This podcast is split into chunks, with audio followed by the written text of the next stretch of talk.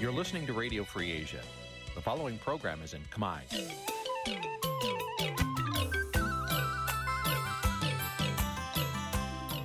នេះជាកម្មវិធីផ្សាយ Vuthu Azizi Serai នេះជាកម្មវិធីផ្សាយរបស់ Vuthu Azizi Serai ជាភាសាខ្មែរ Vuthu Azizi Serai សូមស្វាគមន៍លោកអ្នកនាងទាំងអស់ពីរដ្ឋធានី Washington នៃសហរដ្ឋអាមេរិក បាទពីរដ្ឋធានីវ៉ាស៊ីនតោនខ្ញុំបាទសេកបណ្ឌិតសូមជម្រាបសួរអស់លោកអ្នកនាងកញ្ញាទាំងអស់ជាទីមេត្រី បាទយើងខ្ញុំសូមជូនកម្មវិធីផ្សាយសម្រាប់យប់ថ្ងៃសៅរ៍7កើតខែសុចឆ្នាំថោះបញ្ញស័កពុទ្ធសករាជ2567ត្រូវនៅថ្ងៃទី21ខែតុលាគ្រិស្តសករាជ2023បាទជាដំបូងនេះសូមអញ្ជើញអស់លោកអ្នកនាងស្ដាប់ព័ត៌មានប្រចាំថ្ងៃដែលមានមេតិការដូចតទៅ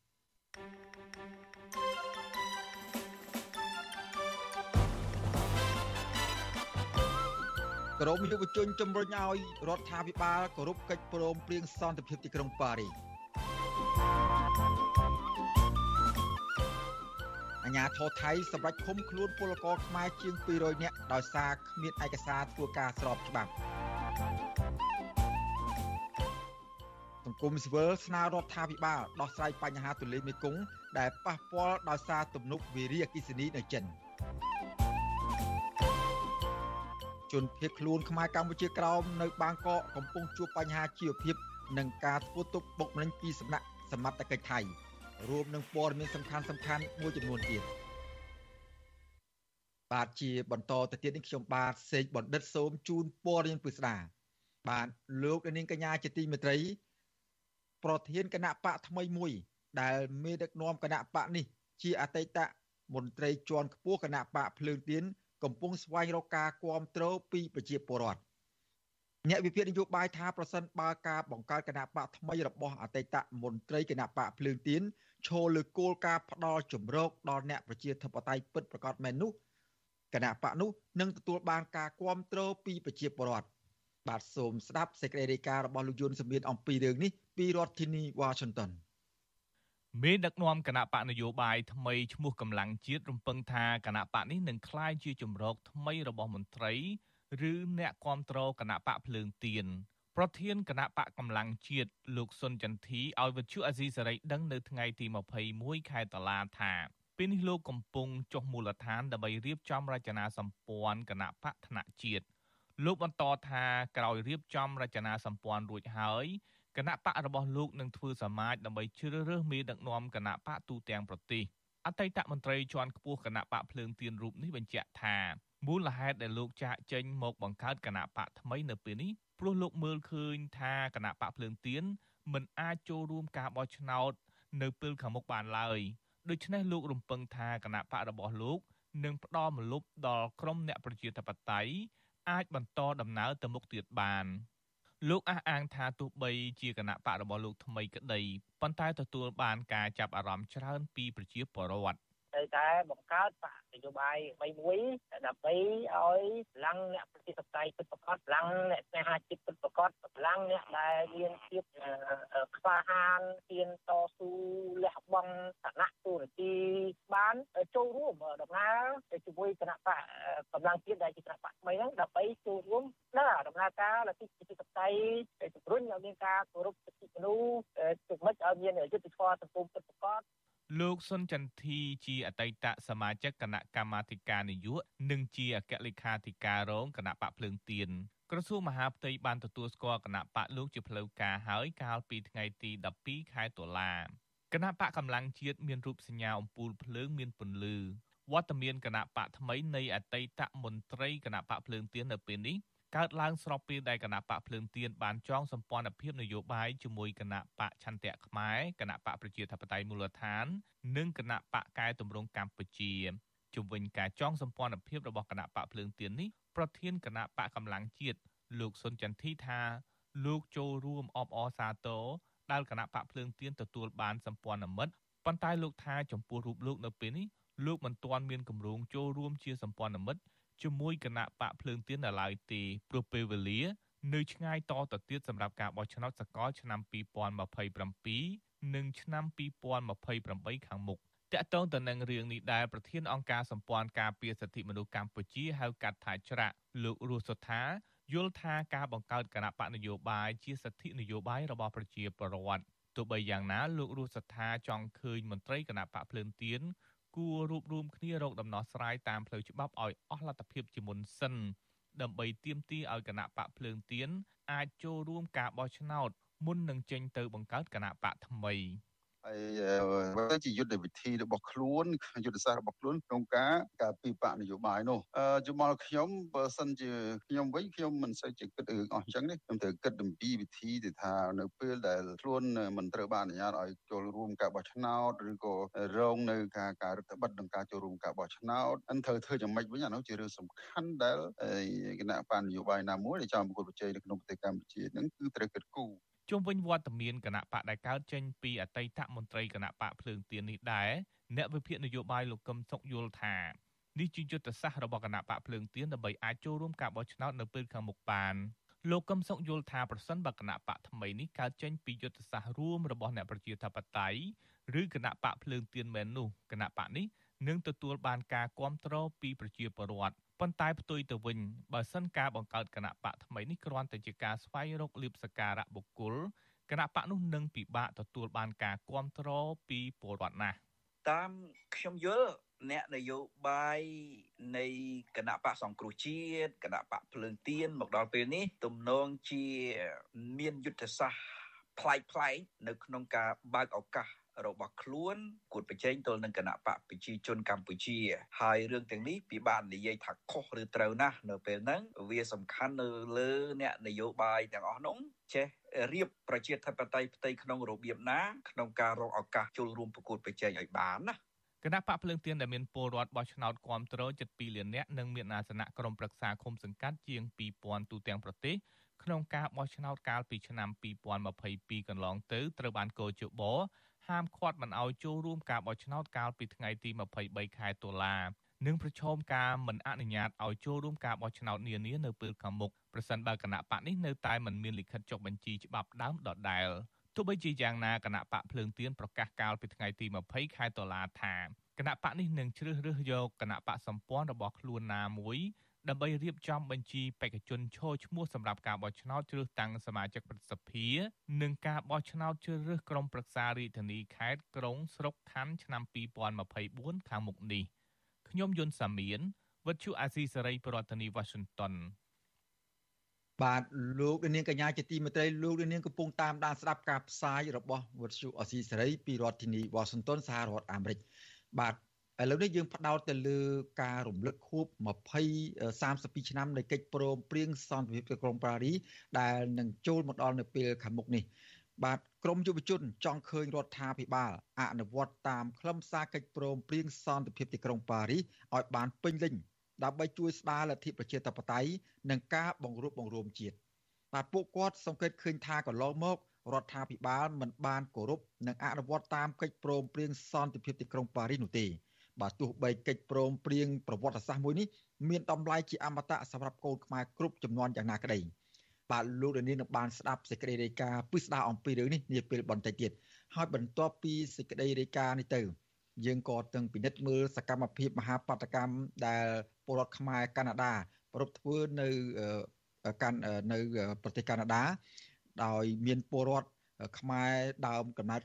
មានពលរដ្ឋកាណាដាដើមកំណើតខ្មែរហ្នឹងបានរួមគ្នាធ្វើមហាបដកម្មនៅទីក្រុងអូតាវ៉ាទាមទារឲ្យរដ្ឋាភិបាលលោកហ៊ុនម៉ាណែតគោរពកិច្ចព្រមព្រៀងសន្តិភាពទីក្រុងប៉ារីសបាទបដកម្មដែលមានអ្នកចូលរួមពីគ្រប់ទិសទីនៃប្រទេសកាណាដានោះក៏នឹងធ្វើឡើងនៅនឹងធ្វើឡើងនៅខាងមុខមន្ទីររដ្ឋសភានៅព្រឹកថ្ងៃទីសៅរ៍នៅព្រឹកថ្ងៃសៅរ៍ទី21ខែតុលានេះនៅម៉ោងនៅប្រទេសកាណាដានោះបាទក្រម បាតកោក៏ជំរុញទៅរដ្ឋាភិបាលកាណាដាដែលជាភាគីហត្ថលេខីនៃកិច្ចព្រមព្រៀងសន្តិភាពទីក្រុងប៉ារីសឲ្យទទួលខុសត្រូវនិងជំរុញឲ្យរបបដឹកនាំដោយត្រកូលហ៊ុនងាកមកគោរពសិទ្ធិមនុស្សនិងលទ្ធិប្រជាធិបតេយ្យបាទនៅពេលបន្តិចទៀតនេះយើងនឹងមានសម្ភាសជាមួយនឹងតំណាង ពលរដ្ឋខ្មែរកាណាដាហើយក៏ជាតំណាងនៃអ្នកចូលរួមរៀបចំធ្វើបាតកម្មនោះដើម្បីមកផ្ដល់បទសម្ភាសអំពីព្រឹត្តិការណ៍ដែលធ្វើមហាបាតកម្មនៅប្រទេសកាណាដាតាក់ទងទាមទារឲ្យគោរពនៅកិច្ចព្រមព្រៀងសន្តិភាពទីក្រុងប៉ារីសកម្មវិធី Vithu Azisrey សម្រាប់ទូរស័ព្ទដៃអាចឲ្យលោកអ្នកនាង អានអត្ថបទទស្សនាវីដេអូ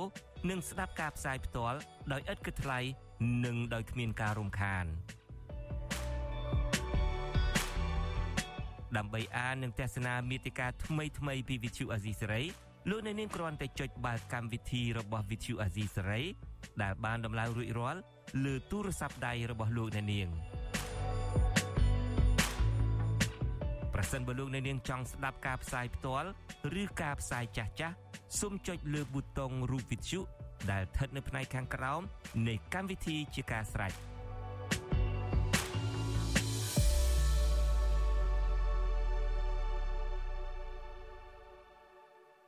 បាទលោកនាងកញ្ញាជាទីមេត្រីជាបន្តទៅទៀតនេះសូមអញ្ជើញអស់លោកនាងកញ្ញាទៅពិនិត្យមើលស្ថានភាពរបស់ពលករចំណាក់ស្រុកដែលពួកគាត់បានភៀសខ្លួនទៅរកការងារធ្វើនៅក្នុងប្រទេសថៃបាទអាជ្ញាធរថៃសម្រាប់ឃុំខ្លួនពលករខ្មែរដែលគ្មានឯកសារធ្វើការងារស្របច្បាប់ជាង200នាក់នៅខេត្តអយុធ្យាដោយឡែកពលករខ្មែរឆ្លងដែនខុសច្បាប់ជាង300នាក់ផ្សេងទៀតត្រូវបានអាជ្ញាធរថៃចាប់ខ្លួននៅក្នុងស្រុកអារ៉ាញ់ប្រទេស នៅជាប់ព្រំដែនកម្ពុជា កាលពីថ្ងៃទី19ខែតុលាបាទមន្ត្រីសង្គមស៊ីវិលអំពាវនាវឲ្យរដ្ឋាភិបាលខ្មែរប្រញាប់ជួយអន្តរាគមន៍ទៅអាជ្ញាធរថៃដើម្បីឲ្យដោះលែងពួកគាត់ឲ្យបានឆាប់ព្រមទាំងជួយសម្រួលធ្វើឯកសារស្របច្បាប់ដើម្បីឲ្យពួកគាត់អាចធ្វើការងាររកប្រាក់ចំណូលដោះស្រាយជីវភាពគ្រួសារបាទសូមស្ដាប់សេចក្តីរាយការណ៍របស់លោកជាតិចំណានអំពីរឿងនេះពីរដ្ឋធានីវ៉ាស៊ីនតោនមន្ត្រីសង្គមស៊ីវិលមើលឃើញថា មន្ត្រីស្ថានទូតខ្មែរដែលសន្យាជួយដោះស្រាយរឿងប៉ូលីសថៃចាប់ពលករខ្មែរកាលពីពេលថ្មីថ្មីនេះហាក់លទ្ធផលវិជ្ជមានណាមួយនៅឡើយទេពីព្រោះកម្មករជាង200នាក់កំពុងប្រឈមទៅនឹងប៉ូលីសថៃបញ្ជូនត្រឡប់ទៅកម្ពុជាវិញមន្ត្រីគម្រោងនៃមជ្ឈមណ្ឌលសម្ព័ន្ធភាពការងារនិងសិទ្ធិមនុស្សរបស់អង្គការសង្ត្រាល់លោកឡុងសុផុនប្រវិសុអសិសរីថាតាមច្បាប់ការងាររបស់ថៃពលករដែលគ្មានសម្បត្តិស្នាមធ្វើការងារស្របច្បាប់ប្រឈមនឹងជាប់ពន្ធនាគារនៅក្នុងប្រទេសរយៈពេល45ថ្ងៃមុនបញ្ជូនត្រឡប់ទៅប្រទេសកំណើតវិញ គាត់នៅតែរងចាំតកែប៉ុន្តែថ្មីថ្មីនេះឃើញថាមិនទាន់មានតកែណាចេញមុខមកធានារ៉ាប់រងគាត់ថាជាអស់សង្ឃឹមគាត់ប្រហែលជាគិតថាគាត់នឹងគេនឹងបញ្ជូនទៅព្រំដែនបញ្ជូនទៅប្រទេសកំណើតវិញអញ្ចឹងណាកន្លងមកហ្នឹងខ្ញុំមើលឃើញច្រើនណាស់នៅពេលដែលពួកគាត់នៅក្នុងពន្ធនាគារយើងដឹងស្រាប់ហើយថាពួកគាត់មិនអាចសម្ដែងតំណងទៅសាច់ញាតិបានពួកគាត់មិនអាចទទួលសិទ្ធិសេរីភាពណា បាទអញ្ចឹងគាត់ចង់ធ្វើអីតាមចិត្តក៏គាត់មិនអាចធ្វើបានដែរអញ្ចឹងមានការហាមឃាត់អីឬចេញចូលកន្លែងហ្នឹងអញ្ចឹងអាការតំណែងតំណងរបស់ពួកគាត់ហ្នឹងក៏លំបាកដែរកាលពីថ្ងៃទី12ខែតុលាអាជ្ញាធរថៃបានចាប់ខ្លួនពលករចំណាក់ស្រុកខុសច្បាប់ជាង1000នាក់ដែលធ្វើការងារសំណង់នៅខេត្តអយុធ្យាក្នុងប្រទេសថៃក្នុងនោះរួមមានពលករខ្មែរជាង100នាក់ព្រមទាំងពលករភូមានិងវៀតណាមផងដែរប៉ុន្តែករណីនេះអាជ្ញាធរថៃបានដោះលែងពលរដ្ឋខ្លះ ឲ្យវិលត្រឡប់ទៅកន្លែងការងារវិញក្រោយពេលដែលថៅកែធានាសន្យាធ្វើសម្បត្តិស្នាមស្របច្បាប់ជូនពួកគេស្រដៀងគ្នានេះដែរបញ្ជាការកងទ័ពជើងគោកថៃប្រចាំតំបន់ក្នុងស្រុកអរញ្ញប្រទេសក្នុងខេត្តស្រះកែវកាលពីថ្ងៃទី19ខែតុលាបានចាប់ពលករខ្មែរចំណាក់ស្រុកខុសច្បាប់ជាង30នាក់ពលរដ្ឋខ្មែរដែលចូលទៅប្រទេសថៃទាំងនោះគ្មានឯកសារសម្រាប់ធ្វើដំណើរនិងបង់ប្រាក់ឲ្យមេខ្យល់នាំឆ្លងព្រំដែនផ្លូវកាត់ដោយលួចឆ្លងដែន បច្ចុប្បន្នកម្មករទាំងនោះត្រូវបានបញ្ជូនទៅឲ្យប៉ូលីសខ្លងណាំសៃដើម្បីចាត់វិធានការតាមច្បាប់វិសុវស៊ីសេរីមិនអាចតាក់ទងមន្ត្រីអនុព័ន្ធការងារអមស្ថានទូតកម្ពុជាប្រចាំប្រទេសថៃលោកឈុំវិបុលនិងអ្នកនាំពាក្យក្រសួងការងារលោកកតាអូនដើម្បីបញ្ជាក់ជុំវិញរឿងនេះបានទេនៅថ្ងៃទី21ខែតុលាជុំវិញរឿងនេះលោកឡុងសុផុនមើលឃើញថាបញ្ហាពលរដ្ឋខ្មែរចំណាក់ស្រុកខុសច្បាប់ទៅធ្វើការនៅប្រទេសថៃកើតឡើងដដែលដដែលនៅរដ្ឋាភិបាលកម្ពុជាមិនទាន់មានដំណោះស្រាយនៅឡើយមកដល់ពេលនេះ លោកបន្តថាពលករដែលអាជ្ញាធរថៃចាប់ខ្លួនដោយសារតែឆ្លងដែនខុសច្បាប់និងធ្វើការខុសច្បាប់កន្លងមកតែងតែជាប់គុកនិងបញ្ជូនទៅកម្ពុជាវិញជាបន្តបន្ទាប់ប៉ុន្តែលោកមិនសូវឃើញរដ្ឋាភិបាលទៅជួយសម្របសម្រួលជាមួយភាគីថៃចំពោះបញ្ហានេះឲ្យមានលទ្ធផលប្រសើរសម្រាប់កម្មករនោះទេសម្រាប់ខ្ញុំក៏ចង់ឲ្យខាងអាជ្ញាធរនឹងធ្វើម៉េចជួយផ្សព្វផ្សាយឲ្យជាក់លាក់ថាពួកគាត់អាចដោះស្រាយបានឬក៏ពួកគាត់ដោះស្រាយបានតែប៉ុណ្ណាឲ្យពួកគាត់ ប្រាប់ពលករផងពេលខ្លះទៅគាត់ថាសង្ឃឹមទៅលើអាជ្ញាធរសង្ឃឹមទៅលើស្ថានទូតដែលជាតំណាងឲ្យប្រទេសយើងតំណាងឲ្យអ្នកធ្វើការរដ្ឋខ្មែរយើងនឹងមកដោះស្រាយហាក់បីដូចដល់ពេលមកដោះស្រាយហើយដូចជាអត់ឃើញមានលទ្ធផលអីចឹងមានតែការចាប់បញ្ជូនទៅវិញចឹងមើលទៅដូចជាដូចជាមិនដោះស្រាយដែរចឹងណាមន្ត្រីសង្គមស៊ីវិលលើកឡើងថា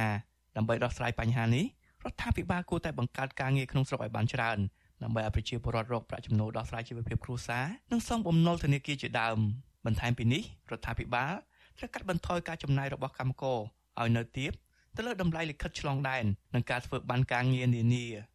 ដោយឡែកប្រសិនបើរដ្ឋាភិបាលនៅតែមិនដោះស្រាយបញ្ហានោះទេប្រជាពលរដ្ឋនឹងនៅតែចំណាក់ស្រុកខុសច្បាប់និងបន្តរងគ្រោះកាន់តែច្រើនខ្ញុំបាទជាចំណាន Visual Society ប្រធានាទី Washington បាទលោកនាងកញ្ញាជាទីមេត្រីតកតងនឹងខួបប្រពនៃកិច្ចព្រមព្រៀងសន្តិភាពសន្តិភាពទីក្រុងប៉ារីសវិញ បាទនៅប្រហែលថ្ងៃជាប់ជាប់គ្នានៅចុងសប្តាហ៍នេះ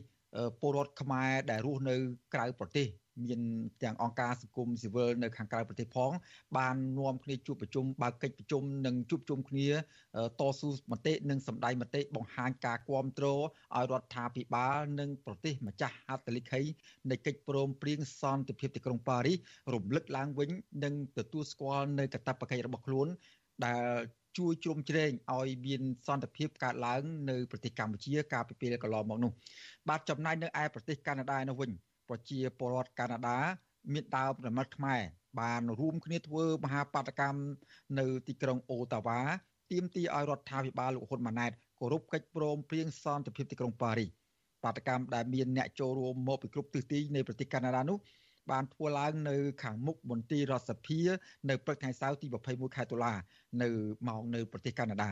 បាទក្រមបាតកោក៏ជំរុញឲ្យរដ្ឋាភិបាលប្រទេសកាណាដាដែលជាភាគីម្ចាស់ហត្ថលេខីនៃកិច្ចព្រមព្រៀងសន្តិភាពទីក្រុងប៉ារីសនោះ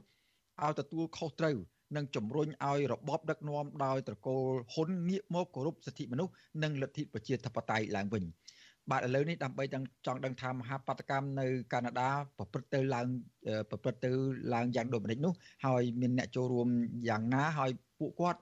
មានការចង់បាននិងទាមទារឲ្យមានការគោរពកិច្ចព្រមព្រៀងសន្តិភាពទីក្រុងប៉ារីសនោះយ៉ាងដូចម្តេចខ្លះនោះយើងបានអញ្ជើញសកម្មជនសិទ្ធិមនុស្សនៅប្រទេសកាណាដាហើយក៏ជាអ្នកចូលរួមសកម្មរៀបចំសកម្មនៅដើម្បីឲ្យមានការជួបជុំគ្នាធ្វើការសម្ដែងមតិ ទាមទារឲ្យមានការគោរពកិច្ចព្រមព្រៀងសន្តិភាពទីក្រុងប៉ារីសនេះគឺលោកពុតវ៉ានីនបាទឥឡូវនេះខ្ញុំបាទឃើញលោកពុតវ៉ានីនតាមប្រព័ន្ធ Skype ហើយខ្ញុំបាទសូមជម្រាបសួរលោកពុតវ៉ានីនពីចម្ងាយបាទបាទជម្រាបសួរបាទបាទលោកពុទ្ធបនិនចង់ឲ្យលោករៀបរាប់បន្ថែមបន្តិចតើទស្សនវិជ្ជាព្រឹកមិញនេះខ្មែរខ្មែរកាណាដាដែលរួមគ្នាធ្វើ មហាបដកម្មមួយ ដែលទាមទារតាក់ទងនឹងកិច្ចព្រមព្រៀងសន្តិភាពទីក្រុងប៉ារីសនោះប្រព្រឹត្តលើយ៉ាងដូចម្តេចដែរលោកបាទបាទជាបឋមខ្ញុំបាទពុទ្ធវណ្ណរិនជំរាបសួរប្រិយមិត្តតាមដានទូអាស៊ីសេរីនិងអស់លោកដែលអញ្ជើញខ្ញុំចូលរួមវេទិកានេះគឺថាថ្ងៃនេះថ្ងៃទី21ខែតុលាឆ្នាំ 2023គឺថាបងប្អូនខ្មែររស់នៅជានៅកាណាដាជាពិសេសខេត្ត2ពីការខេត្តកេបិចនិងខេត្តអុងតារីយ៉ូ បានរួបរวมគ្នាទៅធ្វើមហាបដកម្មនៅទីក្រុងអូតាវ៉ានៅមុខរដ្ឋសភា បាទខ្ញុំហើយបងប្អូនយើងបានធ្វើដំណើរទៅអ្នកមុងព្រះអាលយើងតាមយើងប្រជុំយប់មិញនេះគឺថាមានគ្នាច្រើនមានគ្នារហូតដល់15ទៅ16ឡានលហើយបើយើងគិតថាឡានមួយមួយដាក់គ្នាពេញ5ទៅ7នាក់រហូតដល់អាចរហូតដល់70 80នាក់ហើយយើងនឹងអាចបានគ្នាច្រើនទៀតមកពីតូរ៉ុនតូគឺថាយើងហើយនឹងចូលមកពីទីក្រុងផ្សេងផ្សេងដូចជាខេត្តក្រុងកេបិចហើយនឹងកន្លែងផ្សេងផ្សេងទៀតយើងទៅជួបគ្នានៅទីក្រុងអូតាវ៉ាដើម្បីបដកម្មបដកម្មនៅកន្លែងនោះគឺថាចាប់ដើមពីម៉ោង12កន្លះទៅទៅដល់ម៉ោង3បាទដោយសារយើងធ្វើដំណើរអ្នកម៉ុងរ៉េអាល់ធ្វើដំណើរប្រហែលជា2ម៉ោងហើយអ្នកដែលនៅតូរ៉ុនតូធ្វើដំណើរ3ទៅ4ម៉ោងបាទ3ទៅ4ម៉ោងហើយបាទសូមអរគុណបាទអរគុណក្នុងការរៀបចំជួបជុំធ្វើកោតកម្មឬក៏មហាបដកម្មនេះដែរតើពួកគាត់ ដែលអ្នកចូលរួមនឹងមានលើកជាបដាឬមួយក៏សារសំខាន់សំខាន់អ្វីតាក់ទងនឹងថ្ងៃទី23ខែតុលាដែលជាខួបលើកទី32នៃកិច្ចព្រមព្រៀងសន្តិភាពទីក្រុងប៉ារីសដែរទេបាទបាទយើងទាំងអស់គ្នាធ្វើបដកម្មគឺថាគោលបំណង 2គោលបំណងធំធំ2ទី1យើងទាយើងដាក់សម្ពាធទៅរដ្ឋាភិបាលឬមួយរបបផ្ដាច់ការហ៊ុនសែនហ៊ុនម៉ាណែតដែលជាកូនដែលទើបនឹងយកតំណែងរដ្ឋមន្ត្រីតាមឪពុកតែងតាំងនោះគឺថាយើងទៀមទាឲ្យគាត់ងាកមករកសិទ្ធិគោរពសិទ្ធិមនុស្សនិងលទ្ធិប្រជាធិបតេយ្យនៅកម្ពុជាវិញព្រោះអីយើងឃើញថាតាំងពីកិច្ចព្រមព្រៀងទីក្រុងប៉ារីសឆ្នាំ23ដុល្លារឆ្នាំ1991មកគឺថាគាត់ពុំដែលបានគោរពហើយលទ្ធិប្រជាធិបតេយ្យឬមួយសិទ្ធិមនុស្សទេហើយ ការគោរពនេះកាន់តែមានបញ្ហាច្រើនឡើងច្រើនឡើងហើយថ្មីថ្មីជាជាពិសេសរយៈពេល5ឆ្នាំ5 6ឆ្នាំក្រោយមកនេះគឺថាតាំងពីឆ្នាំ2017ក្រោយពីការរំលាយគណៈបកសង្គ្រោះជាតិហើយថ្មីថ្មីនឹងមិនឲ្យគណៈបកភ្លើងទៀនចូលរួមបោះឆ្នោតហើយយើងឃើញថាសិទ្ធិមនុស្សកាន់តែអា យ៉ាប់យ៉ឺនឡើងទៅតាំងតែគៀបសង្កត់តែដាក់សម្ពាធពីរបបនេះកាន់តែខ្លាំងឡើងទៅចូលទី2គឺថាយើងទាមទារឲ្យរដ្ឋាភិបាលកាណាដាដែលជាហត្ថលេខីកិច្ចព្រមព្រៀងទីក្រុងប៉ារីសនេះជំរុញឲ្យរដ្ឋាភិបាលកម្ពុជានឹងគោរពសិទ្ធិមនុស្សឡើងវិញសិទ្ធិមនុស្សនិងលទ្ធិប្រជាធិបតេយ្យយ៉ាងវិញហើយជាពិសេសឲ្យយក ច្បាប់ Magnitsky Act ដែលកាណាដាមានស្រាប់ទៅដាក់ទៅលើជនដៃដល់ឬមួយមន្ត្រីធំធំដែលមានទ្រព្យសម្បត្តិនៅកាណាដាឬមួយដែលមានកូនចៅមករៀននៅប្រទេសកាណាដានេះគឺថាយើងឲ្យដាក់ទណ្ឌកម្មតាមមតិកណ្ដាទី1គឺថាយក Magnitsky Act យកមកអនុវត្តហើយនឹងហើយនឹងឲ្យរដ្ឋាភិបាលកាណាដានេះដាក់សម្ពាធទៅរបបផ្ដាច់ការនោះ ឲ្យងាកមករកលទ្ធិប្រជាធិបតេយ្យនិងគោរពសិទ្ធិមនុស្សឡើងវិញដោយតាមកិច្ចចែងនៅក្នុងរដ្ឋធម្មនុញ្ញនិងសិទ្ធិសញ្ញាទីក្រុងប៉ារីសបាទបាទអរគុណយើងគ្រប់គ្នាប្រកាសជាដឹងហើយថា ប្រទេសកាណាដាគឺជាប្រទេសម្ចាស់ហត្ថលេខីដ៏សំខាន់មួយ នៅក្នុងការផ្ដួចផ្ដើមឲ្យមានកិច្ចព្រមព្រៀងសន្តិភាពទីក្រុងប៉ារីសនេះឡើងក៏ប៉ុន្តែកន្លងមកគេហាក់បីដូចជាឃើញប្រទេសកាណាដានៅរក្សាភាពស្ងៀមស្ងាត់ទោះបីជាមានសេចក្តីរាយការណ៍ពីប្រទេសកម្ពុជាថាមានការរំលោភកិច្ចព្រមព្រៀងមិនអនុវត្តបានត្រឹមត្រូវតាមកិច្ចព្រមព្រៀងនេះហើយមានការរំលោភសិទ្ធិមនុស្សសិទ្ធិនយោបាយនិង សិទ្ធិបញ្ចេញមតិនឹងជាហោហែកន្លងមកទៀតជាបន្តបន្ទាប់នៅប្រហែលឆ្នាំចុងក្រោយនេះតើក្រៅពីការធ្វើមហាបាតកម្មឬក៏ធ្វើបាតកម្មតស៊ូមតិនៅថ្ងៃនេះតពលរដ្ឋខ្មែរកាណាដាឬមួយក៏សកម្មជនសិទ្ធិមនុស្សនៅប្រទេសកាណាដានឹងធ្វើសកម្មភាពយ៉ាងម៉េចទៀតទេដើម្បីជំរុញឲ្យមែនទែនឲ្យប្រទេសកាណាដារដ្ឋាភិបាលកាណាដាដែលជាម្ចាស់ហត្ថលេខីមួយដែរនោះ មានសកម្មភាពឬមួយក៏ការបញ្ចេញមតិបញ្ចេញសកម្មភាពណាមួយដើម្បីជំរុញទៅរដ្ឋាភិបាលឲ្យគោរពនៅកិច្ចព្រមព្រៀងនេះលោកបាទបាទប្រកាសទៅហើយដោយលោកបាននិយាយអំបញ្ញមិញគឺថាប្រទេសកាណាដាមិនសូវអើពើរហូតមកដល់ពេលនេះក៏ប៉ុន្តែនៅដែលប្រទេសកាណាដាដែលជាហត្ថលេខីហើយសន្ធិសញ្ញាទីក្រុងប៉ារីសហើយក៏បានជួយយ៉ាងច្រើននៅពេលចំនួនអ៊ុនតាក់កាណាដាបានជួយជាទឹកប្រាក់លុយនិងជួយជាតបកាសសម្លើ blue កាសសម្លើតបខាងអង្គការសហប្រជាជាតិនោះហើយរៀងរហូតមកកាណាដាក៏ជួយជាអំណោយយ៉ាងច្រើន ហើយជារហូតក្នុងរយៈពេល10ទៅ15ឆ្នាំនេះកាណាដាបានបើកទ្វារចំហយ៉ាងធំឲ្យការនាំចូលពីពីប្រទេសកម្ពុជា មានខាងកអាវស្បែកជើងឬមួយកបោបអីហ្នឹងគឺថាគ្រប់សពយ៉ាងរហូតមួយឆ្នាំរហូតដល់ជិត2 2000លានដុល្លារគ្រាន់តែកាណាដាទិញយកទោះជាកាណាដាមានប្រជាជនត្រឹមតែ37 38លាន ក៏ដោយក៏យើងក៏មិនដែលឈប់សម្រាកឬក៏មិនដែលនៅស្ងៀមដែរចំពោះការទៀមទាពីរដ្ឋាភិបាលកាណាដានេះជារឿងរាល់ឆ្នាំយើងធ្វើបដកម្មច្រើនឆ្នាំណាក៏ដូចឆ្នាំណាជាពិសេសទានការសិទ្ធិសញ្ញាទីក្រុងប៉ារីសនេះយើងធ្វើជារៀងរាល់ឆ្នាំយើងតែងតែធ្វើនៅអូតាវ៉ា ក៏ប៉ុន្តែកាណាដាមិនសូវជាអើពើដោយសារតែកាណាដាមានបញ្ហាគាត់មិនចង់ឲ្យមានបញ្ហាជាមួយនឹងចិនហើយគាត់រឿងដាក់ទណ្ឌកម្មសេដ្ឋកិច្ចក៏គេមិនដាក់ទៅតាមផ្លូវនឹងដែរគឺថាគេជាដើរតួទៅជាសពរសធរជាជាប្រទេសដែលសពរសធរយើងឃើញថាក្នុងរយៈពេល1ឆ្នាំឬមួយ2ឆ្នាំ ខាត់ក្រោយនេះគឺថាកាណាដាជាប្រទេសមួយដែលទទួលជនភៀសខ្លួននយោបាយគណៈបកសង្គ្រោះជាតិនយោបាយច្រើនជាងគេបំផុតរហូតដល់30 40គ្រួសារគឺថាព្រាយប៉ាយពេញនៅប្រទេសកាណាដាជាពិសេសនៅខាងខេត្តអាល់បាតេនិងខេត្តអុងតារីយ៉ូកាណាដាបានទទួលជនភៀសខ្លួនយ៉ាងច្រើនជាងគេក្នុងពិភពលោកទោះជាកាណាដាមិនបានដាក់សម្ពាធខ្លាំងទៅលើរដ្ឋាភិបាលកម្ពុជាក៏កាណាដាក៏ដើរតួខាងផ្នែកសប្បុរសធម៌ដែរដូចខ្ញុំបញ្យេងប្រាប់អញ្ចឹងគឺថាកាណាដាអា ប្រហែលជានយោបាយបរទេសគាត់គាត់មិនចង់ឲ្យមានបញ្ហាជាមួយនឹងប្រទេសចិនពីព្រោះកាណាដាត្រូវការលក់អាលក់ផលិតផលយ៉ាងច្រើនទៅប្រទេសចិនអានឹងតាមយើងយល់បាទហើយថ្មីថ្មីហើយជាជាច្រើនកន្លងឆ្នាំហើយគឺថា4 5ឆ្នាំមុនគឺថាយើងខាងសិទ្ធិមនុស្សនិងគណៈបកសង្គ្រោះជាតិនៅប្រទេសកាណាដាបានបង្កើតគណៈកម្មការដែលតាក់ទងទៅខាងក្រសួងការបរទេសនៅប្រទេសកម្ពុជាយើង បានតាក់ទងច្រើនដងហើយលោកប្រធានស្ដីទីសំសស៊ីក៏បានជួបលោកមន្ត្រីស្រីមួយចំពោះក៏បានជួបខាងក្រសួងការបរទេសនៅប្រទេសកាណាដានេះហើយ3ឆ្នាំមុនហ្នឹងឃើញប្រទេសកាណាដាចេញថ្លែងសេចក្តីចេញសេចក្តីថ្លែងការណ៍អំពីដាក់ទណ្ឌកម្មទៅរដ្ឋាភិបាលកម្ពុជាដែរក៏ប៉ុន្តែទណ្ឌកម្មសេដ្ឋកិច្ចឬមួយទណ្ឌកម្មផ្សេងផ្សេងនេះគឺថាមិនទាន់ចេញរូបរាងនឹងឡើយហើយយើងនឹងបន្តហើយយើងបន្តនឹងនឹងធ្វើការពុះពៀគ្រប់ឧបសគ្គ គ្រប់បែបយ៉ាងក្នុងចំណោមបងប្អូនដែលនៅក្នុងគណៈកម្មការក្រសួងការបរទេសនឹងនឹងនឹងទៀមទាជំរុញឲ្យរដ្ឋាភិបាលកាណាដានេះដាក់សម្ពាធទៅប្រទេសកម្ពុជាដូចខ្ញុំនិយាយបានបាញ់មិញគឺថាដាក់សម្ពាធខ្លាំងទៅលើយកច្បាប់ដែលមានស្រាប់មិនស្គីអាក់យកមកអនុវត្តអនុវត្តពួកអីកាណាដាទោះជាយើងទៀមទាឲ្យដាក់ទណ្ឌកម្មសេដ្ឋកិច្ចឬមួយ តម្លើងប្រព័ន្ធពន្ធដារដើម្បីឲ្យគៀបសង្កត់រដ្ឋាភិបាលកម្ពុជាក៏គេមិនធ្វើដែរម្ល៉េះហើយយើងយល់ថាជាជាជាជាទណ្ឌកម្មមួយដែលដែលដែលល្អដែលដាក់ទណ្ឌកម្មទៅលើមន្ត្រីធំធំដែលចាយវាយឬមួយ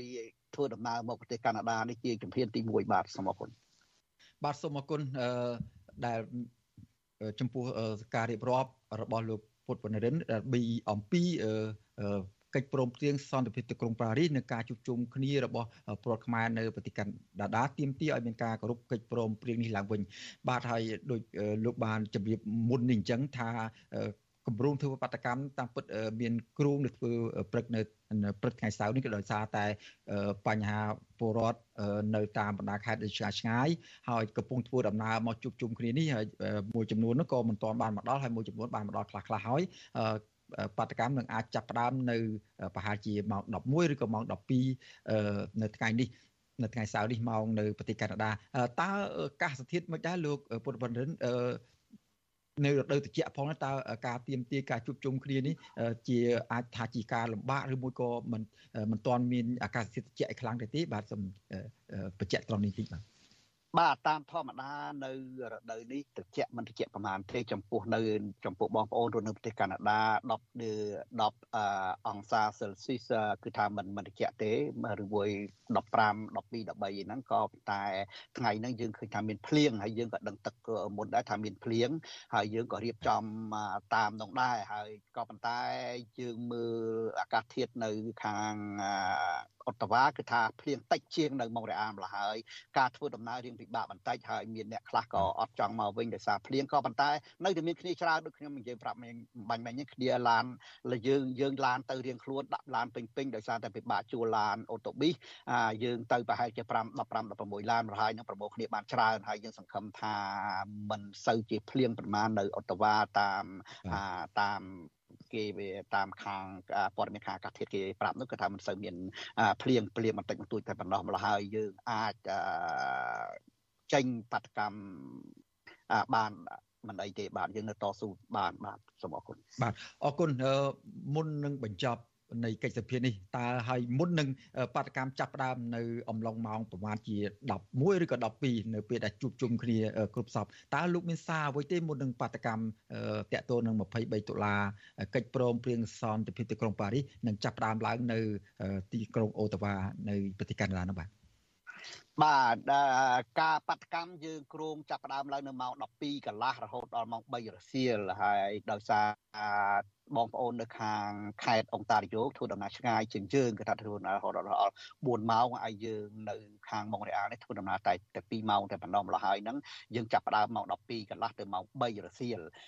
ហើយសារសំខាន់ដែលចង់ផ្ញើទៅបងប្អូនជនរួមជាតិទាំងអស់ទាំងនៅក្រៅប្រទេសនិងនៅក្នុងប្រទេសគឺថាយើងនៅតែតស៊ូជានិច្ចជាពិសេសបងប្អូនដែលរស់នៅក្រៅប្រទេសយើងនៅតែស៊ូអឺ ពុះពៀក្រឧបសគ្គគ្រប់បែបយ៉ាងទោះជាព្យុះព្យុះភ្លៀងយ៉ាងណាក៏ដោយទោះជាអឺមានបញ្ហាមមាញឹកនៅក្នុងជីវិត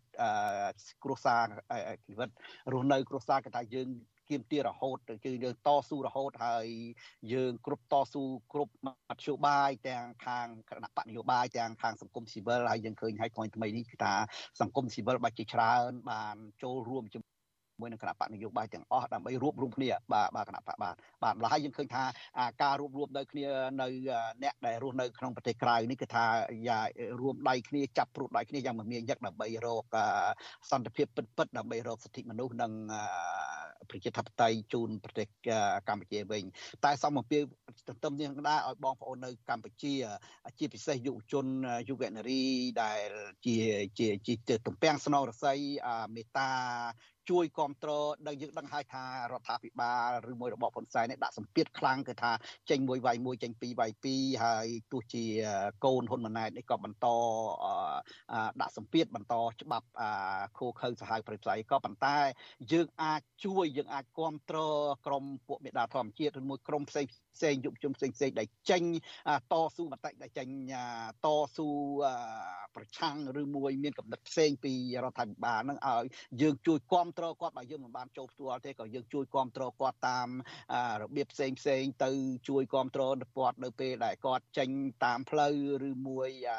ជួយជាថវិកាដើម្បីឲ្យក្រមយុវជននេះតស៊ូខាងបរិស្ថានហើយយើងឃើញថាខាងនយោបាយគេគៀបសង្កត់យ៉ាងខ្លាំងយើងបងប្អូនអ្នកដឹងហើយយើងមិនបាច់រៀបរាប់ក៏ប៉ុន្តែយើងអាចមានសិទ្ធិបញ្ចេញមតិខ្លះខ្លះនៅតាមប្រព័ន្ធ Facebook ខ្ញុំថាមិនដែលហ៊ុនសែន ណាមកអាចចាប់ទាំងអស់គ្នាទេម្ល៉េះខ្ញុំយល់ថាមានតែការតស៊ូមតិមានតែការតស៊ូចេញពីក្នុងប្រទេសទេដែលបានរួបរวมជាមួយនឹងបងប្អូននៅក្រៅប្រទេសនឹងអាចឃើញពន្លឺសន្តិភាពពិតពិតពន្លឺសិទ្ធិមនុស្សនិងពន្លឺប្រជាធិបតេយ្យវិញនៅប្រទេសកម្ពុជាប្រទេសកម្ពុជាបាទសូមអរគុណបាទសូមអរគុណសូមអរគុណចំពោះការចំណាយពេលផ្ដល់បទសភានៅពេលនេះហើយយើងនឹងបន្តតាមដានសកម្មភាពធ្វើបាតកម្មរបស់ ពលរដ្ឋខ្មែរនៅប្រទេសកាណាដាជាបន្តបន្តទៅទៀតបាទជម្រាបលាទៅប៉ុណ្្នេះសិនបាទបាទសូមអរគុណបាទសូមអរគុណបាទលោកនាងកញ្ញាជាទីមេត្រីតកតងនឹងកិច្ចព្រមព្រៀងសន្តិភាពទីក្រុងប៉ារីស23ដុល្លារនេះដែរក្រមយុវជន ចង់ឃើញរដ្ឋាភិបាលអនុវត្តខ្លឹមសារកិច្ចព្រមព្រៀងសន្តិភាពទីក្រុងប៉ារីសឲ្យបានពេញលេញដើម្បីជួយស្ដារលទ្ធិប្រជាធិបតេយ្យនិងការបង្រួបបង្រួមជាតិ បាទពួកគាត់សង្កេតឃើញថាកន្លងមករដ្ឋាភិបាលមិនបានគោរពនិងអនុវត្តតាមកិច្ចព្រមព្រៀងសន្តិភាពទីក្រុងប៉ារីសនោះទេបើទោះបីកិច្ចព្រមព្រៀងជាបើទោះបីជាកិច្ចព្រមព្រៀងនេះជាប្រវត្តិសាស្ត្រនេះមានតម្លៃអមតៈសម្រាប់កូនខ្មែរគ្រប់ចំនួនយ៉ាងណាក្តីបាទសូមស្ដាប់សេចក្តីរាយការណ៍របស់លោកជីវិតាអំពីរឿងនេះពីរដ្ឋធានីវ៉ាស៊ីនតោនក្រមយុវជនសកម្មជំរុញឲ្យរដ្ឋាភិបាលថ្មី គួរតែអនុវត្តកិច្ចព្រមព្រៀងនេះឲ្យបានពេញលេញ ដើម្បីជាប្រយោជន៍ដល់ប្រជាជាតិខ្មែរគ្រប់ចំនួនសកម្មជនកិច្ចព្រមព្រៀងសន្តិភាពទីក្រុងប៉ារីលោកស្រុនស្រនប្រាប់វិទ្យុអាស៊ីសេរីនៅថ្ងៃទី21តុលាថារដ្ឋាភិបាលកម្ពុជានៅមិនទាន់គោរពកិច្ចព្រមព្រៀងសន្តិភាពទីក្រុងប៉ារីនៅឡើយទេពីព្រោះការរំលោភសិទ្ធិមនុស្សការរារាំងយុវជនមិនឲ្យចូលរួមឈឺឆ្អាលបញ្ហាសង្គមនៅតែកើតមានជាបន្តបន្ទាប់លោកបន្តថាកិច្ចព្រមព្រៀងនេះមានសារៈសំខាន់សម្រាប់ពលរដ្ឋគ្រប់ចំនួន ដើម្បីការពារបូរណភាពទឹកដី និងជាកញ្ចក់ឆ្លុះបញ្ចាំងពីការដឹកនាំរបស់រដ្ឋាភិបាលផងដែរ។ យុវជនបើអ្នកទាំងអស់គ្នាចង់ជួយជាតិមែនសូមឲ្យយុវជនចាប់ផ្ដើមទីមួយគឺរៀនច្បាប់របស់ខ្លួនឯងជាពិសេសគឺច្បាប់ដែលជាមូលដ្ឋានគ្រឹះរបស់ជាតិគឺកិច្ចព្រមព្រៀងសន្តិភាពទីក្រុងប៉ារីនិងរដ្ឋធម្មនុញ្ញជាមុនព្រោះឯកសារទាំងពីរនេះគឺអាចធ្វើឲ្យយើងចេះប្រើប្រាស់សភាជាតិឲ្យយើងចេះប្រើប្រាស់គណៈរដ្ឋមន្ត្រីនាយករដ្ឋមន្ត្រីឲ្យយើងចេះប្រើប្រាស់ប្រព័ន្ធតុលាការហើយជាពិសេសគឺយើងចេះការពារអ្នកសារព័ត៌មានឯករាជ្យផងព្រោះអំណាចរបស់ពលរដ្ឋក្នុងប្រទេសប្រជាធិបតេយ្យគឺអំណាចសារព័ត៌មានស្រដៀងគ្នានេះដែរ សកម្មជនចលនាមេដាធម្មជាតិលោកលីច័ន្ទរាវុធថ្លែងថាប្រសិនបើរដ្ឋាភិបាលកម្ពុជាមិនគោរពតាមស្មារតីកិច្ចព្រមព្រៀងសន្តិភាពទីក្រុងប៉ារីនោះទេ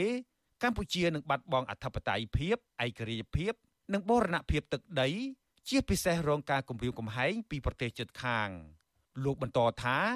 រដ្ឋាភិបាលបច្ចុប្បន្នហាក់មិនសូវឲ្យតម្លៃនិងទទួលស្គាល់កិច្ចព្រមព្រៀងសន្តិភាពទីក្រុងប៉ារីនោះទេដោយសារខ្លាចបាត់បង់ផលប្រយោជន៍ផ្ទាល់ខ្លួន។ រដ្ឋាភិបាលគួរតែបង្រៀនទៅប្រជាជនឲ្យដឹងអំពីកិច្ចព្រមព្រៀងនេះឲ្យបានច្រើនព្រោះថាវាគឺជាអាវុធមួយដ៏សំខាន់នៅក្នុងការការពារបរណភាពដែនដីរបស់ពួកយើងព្រោះយើងនឹងដឹងថាប្រទេសយើងគឺតូចយើងមានកម្លាំងយោធាមិនស្មើនឹងប្រទេសជិតខាងទេប៉ុន្តែយើងមានផ្លូវច្បាប់ដែលយើងអាចយកមកការពារខ្លួនបានដូច្នេះយើងគួរតែឲ្យតម្លៃទៅលើវាហើយទី3ខ្ញុំយល់ថារដ្ឋាភិបាលនឹងគួរតែទទួលស្គាល់ថាកិច្ចព្រមព្រៀងនេះនៅតែមានសុពលភាពជាជាងជាជាបង្វែរឲ្យប្រជាជនយល់ច្រឡំថាកិច្ចព្រមព្រៀងនេះគឺវាអស់សុពលភាព ការអំពាវនាវរបស់ក្រមយុវជនដែលចង់ឲ្យមេដឹកនាំគោរពនិងអនុវត្តតាមស្មារតីកិច្ចព្រមព្រៀងសន្តិភាពទីក្រុងប៉ារីឲ្យបានពេញលេញនេះគឺដោយសារពួកគេសង្កេតឃើញថាអតីតនាយករដ្ឋមន្ត្រីកម្ពុជា លោកហ៊ុនសែននិងមន្ត្រីរបស់លោកមួយចំនួនបាននាំគ្នាបកស្រាយថាកិច្ចព្រមព្រៀងជាប្រវត្តិសាស្ត្រមួយនេះបានស្លាប់បាត់ទៅហើយនៅក្នុងខួប32ឆ្នាំនៃកិច្ចព្រមព្រៀងសន្តិភាពទីក្រុងប៉ារីនេះក្រមយុវជនពលរដ្ឋនិងក្រុមអង្គការសង្គមស៊ីវិល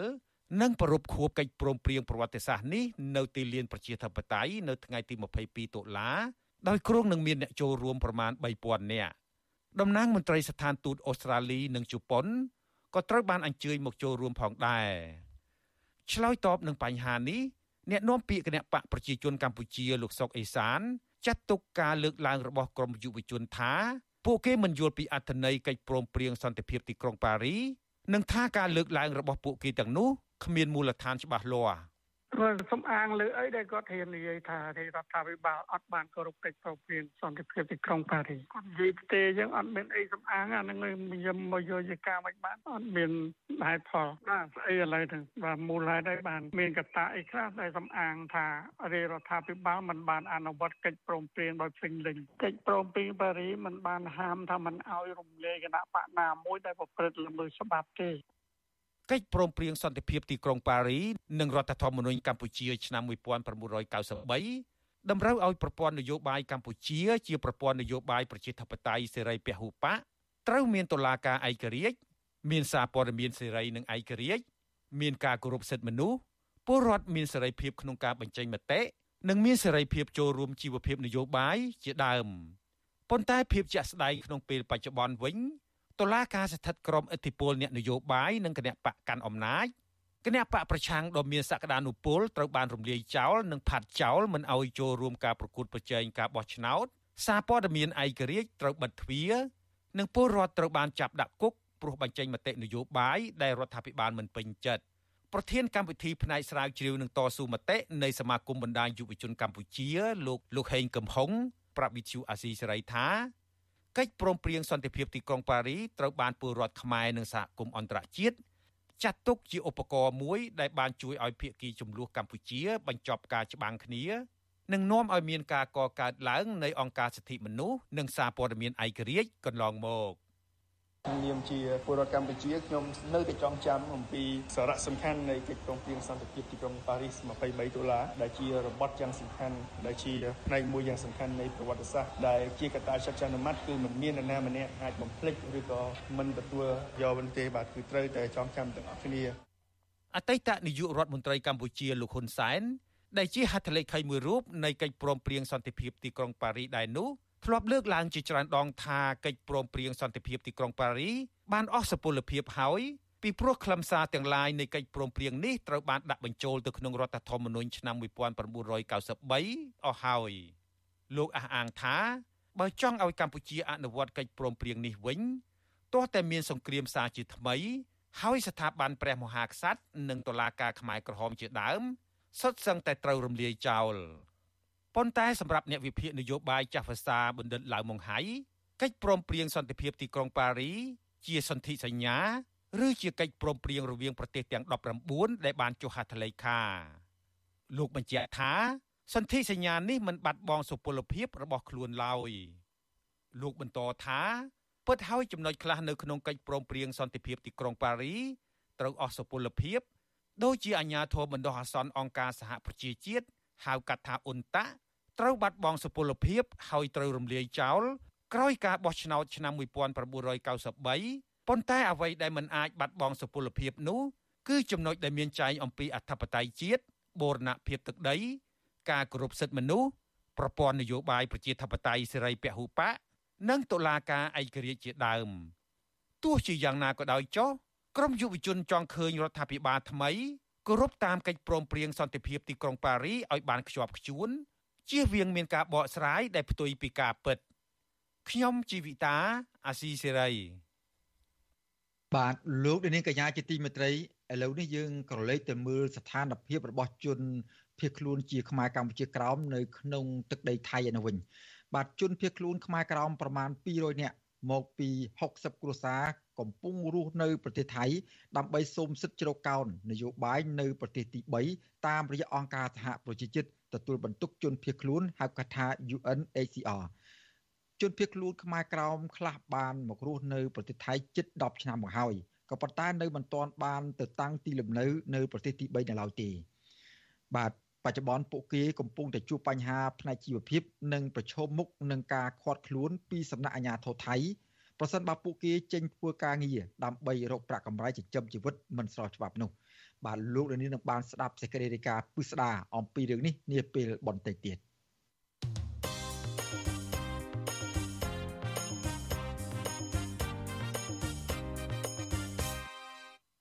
បាទលោកនាងកញ្ញាជាទីមេត្រីសេចក្តីរាយការណ៍ជាបន្តទៅទៀតនេះយើងផ្ដោតទៅលើបញ្ហាបរិស្ថានជាពិសេសបញ្ហាបរិស្ថានទឹកទន្លេមេគង្គបាទនៅក្នុងរយៈពេល4ឆ្នាំកន្លងមកនេះទំនប់វារីអគ្គិសនីនៅទន្លេមេគង្គផ្នែកខាងលើរបស់ប្រទេសចិននិងការបូមយករ៉ែខ្សាច់ក្នុងទ្រុងក្នុងលក្ខណៈទ្រង់ទ្រាយធំពីបាតទន្លេ បានធ្វើឲ្យទន្លេមេគង្គនៅផ្នែកខាងក្រោមទទួលរបបទឹកមិនគ្រប់គ្រាន់ហើយបង្កឲ្យមានផលប៉ះពាល់ទៅដល់បញ្ហាបរិស្ថាន ជីវៈចម្រុះការប្រកបរបរនេសាទព្រមទាំងការធ្វើកសិកម្មជាដើមបាទដោយសារតែបញ្ហារបបទឹកទន្លេមេគង្គនៅផ្នែកខាងលើ មានការរាំងខ្ទប់ដោយទំនប់វារីអគ្គិសនីនេះវាក៏កំពុងជះឥទ្ធិពលធ្វើឲ្យប៉ះពាល់ដល់បឹងទន្លេសាបរបស់កម្ពុជាផងដែរបាទសូមស្ដាប់សេចក្តីរាយការណ៍អំពីបញ្ហានេះរបស់លោកថាថៃដូចតទៅក្រុមអង្គការក្រៅរដ្ឋាភិបាលនិងប្រជានេសាទមួយចំនួន ដែលរស់នៅតាមបណ្ដោយដងទន្លេមេគង្គជំរុញឲ្យរដ្ឋាភិបាលកម្ពុជាត្រូវតែធ្វើការងារជាមួយនឹងប្រទេសដែលពាក់ព័ន្ធដោយពិភាក្សាគ្នាដើម្បីរកដំណោះស្រាយដ៏ចាំបាច់ចំពោះទំនប់វារីអគ្គិសនីនៅទន្លេមេគង្គខាងលើដែលកំពុងធ្វើឲ្យប៉ះពាល់យ៉ាងខ្លាំងដល់បរិស្ថាននិងការរស់នៅរបស់ប្រជាពលរដ្ឋតាមដងទន្លេមេគង្គក្រោមប្រជាពលរដ្ឋដែលរស់នៅភូមិទុនសោងឃុំសៀមបូកស្រុកសៀមបូកខេត្តស្ទឹងត្រែងម្នាក់ក្នុងចំណោមប្រជានេសាទជាច្រើនអ្នកទៀតលោកស្រីខាស្រស់មានប្រសាសន៍ថា ចាប់តាំងពីអំឡុងឆ្នាំ2019មកការនេសាទត្រីនៅតាមដងទន្លេមេគង្គក្រោមរបស់គាត់គឺមិនប្រសើរដោយកាលពីមុនទេលោកស្រីខាស្រស់មានប្រសាសន៍ទៀតថាបច្ចុប្បន្ននេះរូបគាត់មិនមែនមានកង្វល់ទៅលើការនេសាទត្រីប៉ុណ្ណោះទេគឺមានបញ្ហាជាច្រើនទៀតដូចជាទឹកទន្លេឡើងនិងស្រកខុសប្រក្រតីធ្វើឲ្យជ្រាំងទន្លេបាក់ដីស្ទើរគ្រប់កន្លែងរកដីដាំបន្លែមិនបានចំណែកនៅរដូវប្រាំងវិញទឹកទន្លេក៏មានការកើតស្លែងច្រើន ប្រសិនបើចោះទៅងូតក៏មិនបានដោយអាចកើតរមាស់និងជំងឺផ្សេងផ្សេងៗ កាលពីមុនដូចនៅតាមកំពង់ពួកខ្ញុំនេះយើងដាក់មួងអីយើងបានចិត្តត្រីស្អ៊ីត្រីបាវ៉ាតាមដងតលីគេទឹកស្រកកាលពីដើមមកយើងដាំសពៃដាំលក្រីដាំត្រប់ដាំម្ទេសដូចជាពៅអីយើងដាំទៅយើងបានបេះត្រួយបេះអីមកស្លយើងបានលក់ដើម្បីយកលុយកាក់នោះគ្រាន់បានទិញជេងទិញស្ករខោអាវកូនចៅទៅឥឡូវនោះដីវាបាក់ទូកលែងហ្នឹងណាទូកលែងនឹងដាំអត់មានផងណាផលប៉ះពាល់នៅប្រងមកមិនមែនតែត្រឹមត្រីទេទឹកនៅពេលខែប្រាំងមកមានសលែមួយទឹកនឹងមាស់ហើយជំងឺក៏វាតែងតែផ្លែកផ្លែកផ្លែកពិបាកក្នុងការរស់នៅដែរលោកគ្រូគណៈកម្មការទន្លេមេគង្គថ្នាក់តំបន់អាស៊ីអាគ្នេយ៍និងមជ្ឈមណ្ឌលសហប្រតិបត្តិការធនធានទឹកឡានឆាងមេគង្គរបស់ចិនបានបង្ហាញការរកឃើញរួមគ្នាកាលពីដើមខែតុលាកន្លងទៅថាទំនប់វារីអគ្គិសនីរបស់ប្រទេសចិនក៏ដូចជាការជីកយករ៉ែខ្សាច់ទ្រង់ទ្រាយធំពីបាតទន្លេ ព្រមទាំងការសាងសង់ទំនប់វារីអគ្គិសនីរបស់ប្រទេសមួយចំនួនទៀតនៅផ្នែកខាងលើទន្លេមេគង្គបានជះឥទ្ធិពលយ៉ាងខ្លាំងមកទន្លេមេគង្គក្រោមក្នុងរយៈពេល2ទសវត្សរ៍ចុងក្រោយនេះមានការប៉ះពាល់ជាច្រើននៅទន្លេមេគង្គផ្នែកខាងក្រោមដូចជាមានទឹកជំនន់គ្រោះរាំងស្ងួតមិនសមស្របតាមរដូវកាលកម្រិតទឹកទាបនៅរដូវប្រាំងការធ្លាក់ចុះបរិមាណនៃដីល្បាប់ជីវជាតិតាមដងទន្លេ ការប្រែប្រួលអាកាសធាតុការបង្កឲ្យប៉ះពាល់ដល់ព្រៃឈើ ព្រៃកោងកាង វិស័យជលផលប៉ះពាល់ដល់វិស័យកសិកម្មនិងការប្រើប្រាស់ទឹកតាមដងទន្លេមេគង្គជាដើមការថយចុះបរិមាណដីល្បាប់ជីវជាតិនៅតាមដងទន្លេមេគង្គក្រោម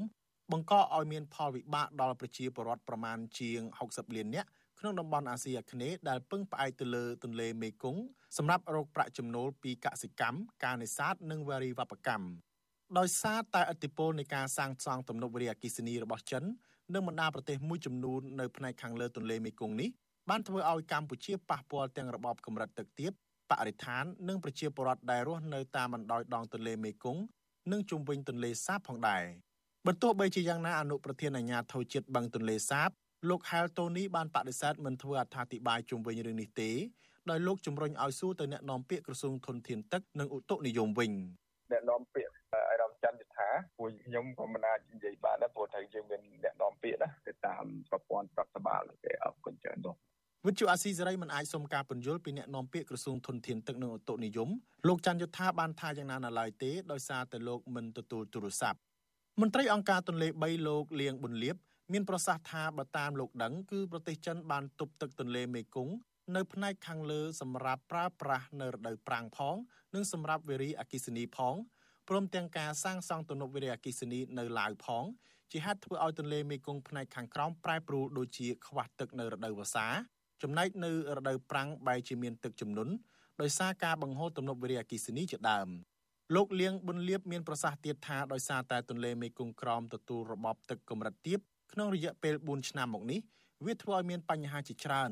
ដូចជាប៉ះពាល់ដល់ជីវៈចម្រុះបាត់បង់ដីល្បាប់មានជីវជាតិ ដែលធ្លាប់តែហូរចាក់តាមមាត់ទន្លេព្រមទាំងបាត់ទឹកធំសម្រាប់ការធំធាត់របស់ព្រៃលិចទឹកនឹងធ្វើឲ្យមច្ឆជាតិដែលធ្លាប់តែពងកូនតាមព្រៃលិចទឹកត្រូវបាត់បង់ជំរកនិងការបន្តពូជជាដើម។ គណៈបាត់លបាប់បាត់ត្រីឆ្លងកាត់បាត់អីអស់អញ្ចឹងទៅទលេហ្នឹងវាលែងជាទលេធម្មជាតិវាស្តៀងទៅជាបឹងណាដោយសារមកកង់មកកង់មកកង់វាធ្វើឲ្យទឹកហ្នឹងក៏វាមិនមានគុណភាពល្អប្រសើរហើយបំរែបំរួលឡើងចុះហ្នឹងក៏មិនទៀងទាត់អាជីវៈចម្រុះដែលយើងអាស្រ័យផលវាបាត់បង់អញ្ចឹងរឿងនេះគឺជារឿងសំខាន់សូមឲ្យរដ្ឋាភិបាលលោកបានគិតគូរពីរឿងធ្វើម៉េចដើម្បីឲ្យទលេរបស់យើងវាស្ថិតនៅជាទលេធម្មជាតិហើយអាការផលិតធម្មពលផលិតអីនោះសូមឲ្យគិតគូរទៅលើធម្មពលកកើតថ្មីដូចជាសូឡាដូចជាធម្មពលខ្យល់ដែលប្រទេសយើងត្រូវខាងសូឡាហ្នឹងគឺជារឿងសំខាន់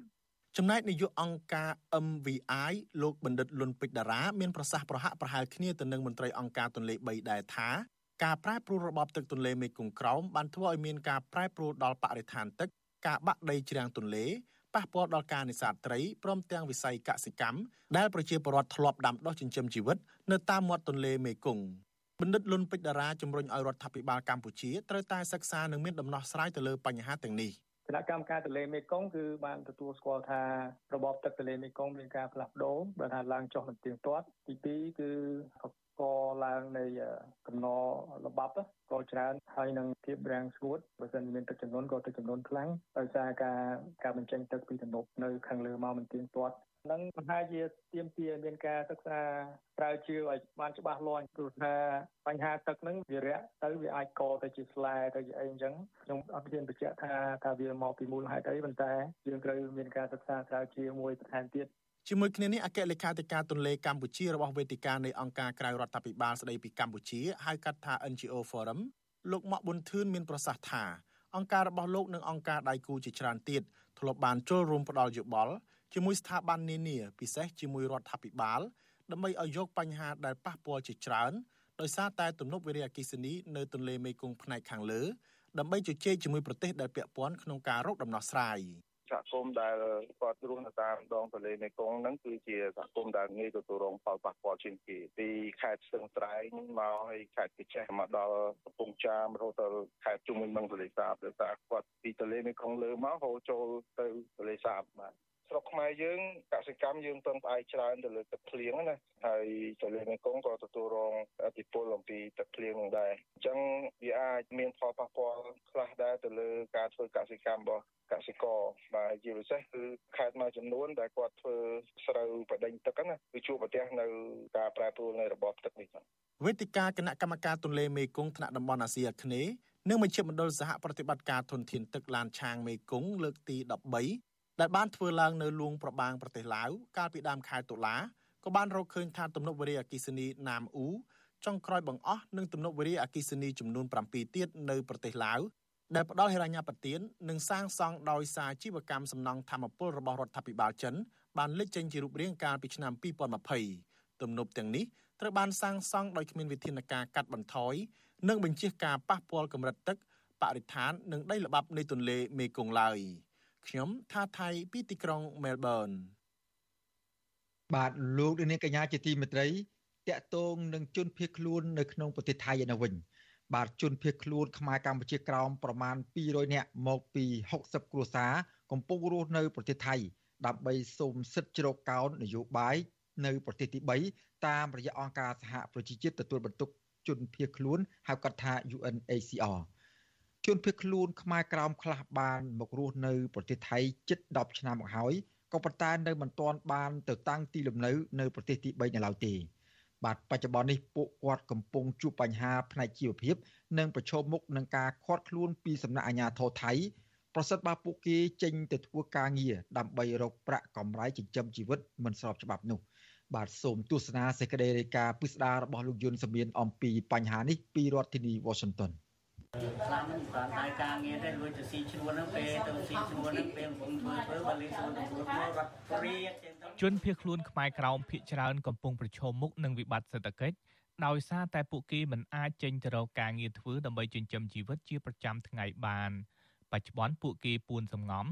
នៅក្នុងផ្ទះជួលមិនហ៊ានចេញទៅក្រៅផ្ទះដោយសារបារម្ភសមត្ថកិច្ចថៃខាត់ខ្លួន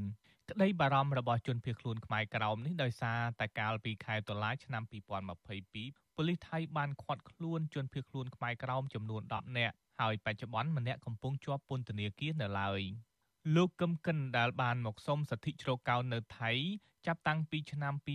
2019បន្ទាប់ពីអាញាធរវៀតណាមធ្វើទុកបុកម្នេញផ្នែកសិទ្ធិមនុស្សមកលោកមិនទាន់បានចេញទៅតាំងទីលំនៅនៅប្រទេសទី3នៅឡើយទេ លោកកំពុងជួបការលំបាកទាំងជីវភាពបញ្ហាសវត្ថភាព និងខ្លាចប៉ូលីសថៃចាប់ខ្លួន ការរស់នៅជាការទុកលំបាកក៏ប៉ុន្តែដែលយើងវាចេះទ្រាំមករស់ទៅធ្វើមិនឥឡូវយើងជីវិតយើងនៅតស៊ូដល់ណាដល់នឹងទៀតនៅក្រៅទៅគេទទួលស្គាល់ជាជនភៀសខ្លួននៅបាទគេទទួលស្គាល់ហើយហើយហេតុអីបានយើងអត់ហ៊ានទៅនៅស្រុកខ្មែរទៅនៅស្រុកយើងទៅមិនបានពីប្រដែលជាយើងអ្នកប្រឆាំងយើងជាអ្នកទៀមទាហើយម្ល៉េះហើយយើងចូលស្រុកមកអត់បានបាទឥឡូវពូ ររស៊ីប្រកបរបរអីគេដែរឥឡូវអត់មានរស៊ីអីទេនៅនឹងដែលជាប់ជាចន្ទភាកខ្លួននឹងគេជួយចិញ្ចឹមខ្លះទៅហើយដែលជាគេជួយខ្លះគេជួយអង្គជួយថ្លៃផ្ទះជួយអីវ៉ាន់មួយខែ100មួយខែ100ហ្នឹងទៅហើយថ្លៃអង្គបានប៉ុន្មានគីឡូអង្គបានមួយខែបានបបេនេះបាទហើយហើយយើងចេះតែរកបន្តបន្តទៅ ពេលនោះប៉ុនខ្ញុំនៅធ្វើទៅធ្វើអីបានឥឡូវទៅមិនបានណា3ខែនេះមានទៅបានឲ្យទៅចេះគេចាប់ទៅរត់ចាប់រត់ចាប់ស្រដៀងគ្នានេះដែរលោកស្រីថាច់ធីផាយក៏កំពុងជួបប្រទះការខ្វះថវិកាដើម្បីចិញ្ចឹមជីវិត ដោយសារតែលោកស្រី បានមកសុំសិទ្ធិជ្រកកោននៅថៃចាប់តាំងពីឆ្នាំ2008ប៉ុន្តែនៅមិនទាន់បានទៅស្នាក់នៅប្រទេសទី3នៅឡើយ លោកស្រីភៀសខ្លួនមកថៃពីការតាមចាប់របស់សមត្ថកិច្ចវៀតណាម ដោយសារតែពាក់ព័ន្ធនឹងការចង់បានសិទ្ធិស្វ័យសម្រេចដោយខ្លួនឯងតែសំណុំប្រអើយបងប្អូនខ្មែរនៅបរទេសនឹងជួយពួកខ្ញុំចន្ទភៀសខ្លួនហ្នឹងជួយជោគជួយចែវយកពួកខ្ញុំឲ្យបានចេញផាត់ ពេលថៃហ្នឹងលោកពិបាកណានៅថៃឥឡូវនេះខោបាលមកចាប់នឹងតាមផ្លូវខ្ញុំនៅទៅថាមានចេញសុបទ្វាដេកជាងទៅមានចេញលេងក្រៅបីមកចាប់ដល់កនដែនទីហ្នឹងហើយយក4000 5000ហើយបើខ្មែរក្រម40000 50000នេះ យើងមានអីដូចខ្ញុំមិនណាក់ឯងក្រៅពីជនភៀសខ្លួនខ្លះកំពុងជួបវិបត្តិថវិកាជនភៀសខ្លួនខ្លះទៀតត្រូវសមត្ថកិច្ចថៃតម្រូវទៅបង្ហាញខ្លួន ជាប្រចាំនៅទីស្នាក់ការប៉ូលីសប្រសិនមិនដូច្នោះទេប៉ូលីសនឹងចាប់ដាក់ពន្ធនាគារឬបញ្ជូនទៅប្រទេសដើមវិញជនភៀសខ្លួនលោកស្រីយ៉ាញ់ធីយឹមត្រូវបានសមត្ថកិច្ចថៃចាប់ខ្លួនកាលពីខែតុលាឆ្នាំ2023 ដោយសារតែលោកស្រីទៅធ្វើការងារគ្មានច្បាប់នៅផ្សារថៃមួយកន្លែងលោកស្រីជាប់ពន្ធនាគារមួយខែនិងបានបង់ប្រាក់ពិន័យឲ្យថៃជាច្រើនពាន់បាតមុននឹងត្រូវបានគេដោះលែងបច្ចុប្បន្នលោកស្រីមិនអាចទៅធ្វើការងារបាននឹងត្រូវជាប់ពាក់ព័ន្ធនឹងប៉ូលីសអន្តោប្រវេសន៍ថៃថែមទៀតលោកស្រីត្រូវបង្ហាញខ្លួន15ថ្ងៃម្ដងនៅមុខប៉ូលីសប្រសិនមិនដូច្នោះទេប៉ូលីសនឹងចាប់បញ្ជូនលោកស្រីទៅវៀតណាមវិញ បាទឥឡូវចេញមកអស់9នាក់ឥឡូវទៅធ្វើការយ៉ាងម៉េចទៀតឥឡូវធ្វើការអត់បានទេធ្វើការបានចំណូលណាហូបទៅចឹងចំណូលទេបានតែកូនខ្ញុំបច្ចេកទៅធ្វើទៅកាន់បានបាទទៅវិញអញ្ចឹងពិបាកដែរអញ្ចឹងពិបាកណាស់បើថាយើងពិចារបានម្ដងទៀតគឺគឺអត់បានទិញរហូតដល់គឺនៅក្នុងគុកជាប់រហូតបាទចុះឥឡូវអត់មានជំរឿនអីដែរយើងមិនអាចទៅស្រុកវិញបានដែរតែ មូលហេតុអីដែលមកខ្ញុំមកនេះតាមអ្នកគ្រួសារនេះទៅឈូតនេះអូប្រពន្ធអញ្ចឹងពុតបាទហើយឡងខ្ញុំកុំទៅធ្វើអីណាក៏មិនបាននេះនៅតាមទៅតែផ្ទះនឹងបាយនឹងមិនឲ្យគូបាទធ្វើអីក៏មិនបានទេតែគេចាំម្ដងទៀតយើងអត់បានជិះអីបាទហើយលោកខ្ញុំខ្ញុំសូមជំនុំពណ៌ឲ្យទៅបងប្អូននឹងជួយគ្រួសារខ្ញុំប្រហងជួយយ៉ាងម៉េចទៅអម ឥឡូវខ្ញុំក៏មិនតាមបានជាប់ UN ដែរព្រោះអីឡូវក្នុង UN ហ្នឹងឥឡូវគេមកពិចារណាគ្រួសារខ្ញុំហ្នឹងណាបាទស្រដៀងគ្នានេះដែរជនភៀសខ្លួនខ្មែរក្រៅម្នាក់ទៀតលោកស្រីចៅធីសាច់កំពុងមានកូនស្រីជាប់ពន្ធនាគារប្រមាណ1ឆ្នាំមកហើយដោយសារតែធ្វើការងារខុសច្បាប់ដើម្បីចិញ្ចឹមជីវិត លោកស្រីចៅធីសាច់កំពុងចិញ្ចឹមចៅម្នាក់នៅក្នុងបន្ទុកដោយមិនអាចធ្វើការបានឡើយគេចិញ្ចឹមអ្នកហើយដល់នៅតែវាឯងឈ្មោះឯណាកូនលីធីមីយិនលីធីមីយិនអាយុប៉ុន្មានហើយ30បាទចិត្តចុងក្រោយហ្នឹង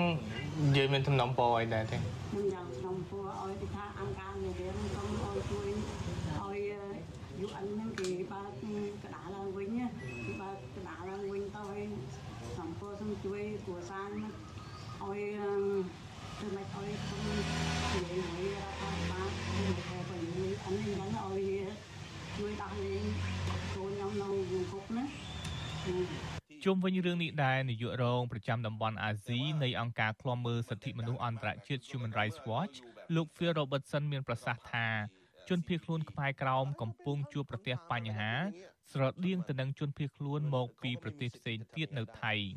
លោកថាប៉ូលីសថៃចាត់ទុកជនភៀសខ្លួន ជាបាវលុយនិងជាម៉ាស៊ីនបើកលុយធនាគារ ATM ដែលសមត្ថកិច្ចថៃអាចចម្រិតទារលុយបាន because Thailand has not ratified the UN ប្រទេសថៃមិនអនុម័តទទួលយកសន្ធិសញ្ញាជនភៀសខ្លួនរបស់អង្គការសហប្រជាជាតិនោះទេដូច្នេះប៉ូលីសថៃនិងប៉ូលីសអន្តរប្រវេសន៍មិនទទួលស្គាល់បានសម្គាល់ខ្លួនរបស់ជនភៀសខ្លួននោះទេដូច្នេះមានន័យថាប្រសិនបើជនភៀសខ្លួនត្រូវគេចាប់ខ្លួនគ្មានទិដ្ឋាការពួកគេនឹងអាចប្រឈមមុខនឹងបញ្ហាគ្រប់យ៉ាងពីប៉ូលីស ខ្មែរក្រោមបានខ្លាចជាជនរងគ្រោះដោយសារតែពួកគេរស់នៅក្នុងតំបន់ជាមួយជនភៀសខ្លួនផ្សេងទៀតប៉ូលីសថៃដឹងកន្លែងដែលពួកគេរស់នៅទីណាដូច្នោះនៅពេលប៉ូលីសថៃត្រូវការលុយ គេអាចទៅចាប់មនុស្សម្នាក់ឬក៏ពីរនាក់រឿងនេះគួរឲ្យសោកស្ដាយនិងគួរឲ្យស្អប់ខ្ពើមប៉ុន្តែនេះជាអ្វីដែលប៉ូលីសប្រព្រឹត្តទៅលើជនភៀសខ្លួន រំលោភសិទ្ធិមនុស្សនិងគ្មានការគោរពទៅលើកិត្តិយសរបស់ជនភៀសខ្លួន shows no respect for their dignity ជនភៀសខ្លួនខ្មែរក្រោមប្រមាណ200នាក់មកពី60គ្រួសារកំពុងរស់នៅប្រទេសថៃដើម្បីសុំសិទ្ធិជ្រកកោននយោបាយនៅប្រទេសទី3តាមរយៈអង្គការសហប្រជាជាតិទទួលបន្ទុកជនភៀសខ្លួន UNHCR ពួកគេស្នើសុំឲ្យសប្បុរសជននិងអង្គការសហប្រជាជាតិជួយជំរុញឲ្យប្រទេសទី3អនុញ្ញាតឲ្យពួកគេតាំងទីលំនៅ ដើម្បីគេចផុតពីទុក្ខវេទនា និងមានសេរីភាពជាមនុស្សខ្ញុំយុនសាមៀន វិទ្យុអាស៊ីសេរីប្រធានាធិបតី Washington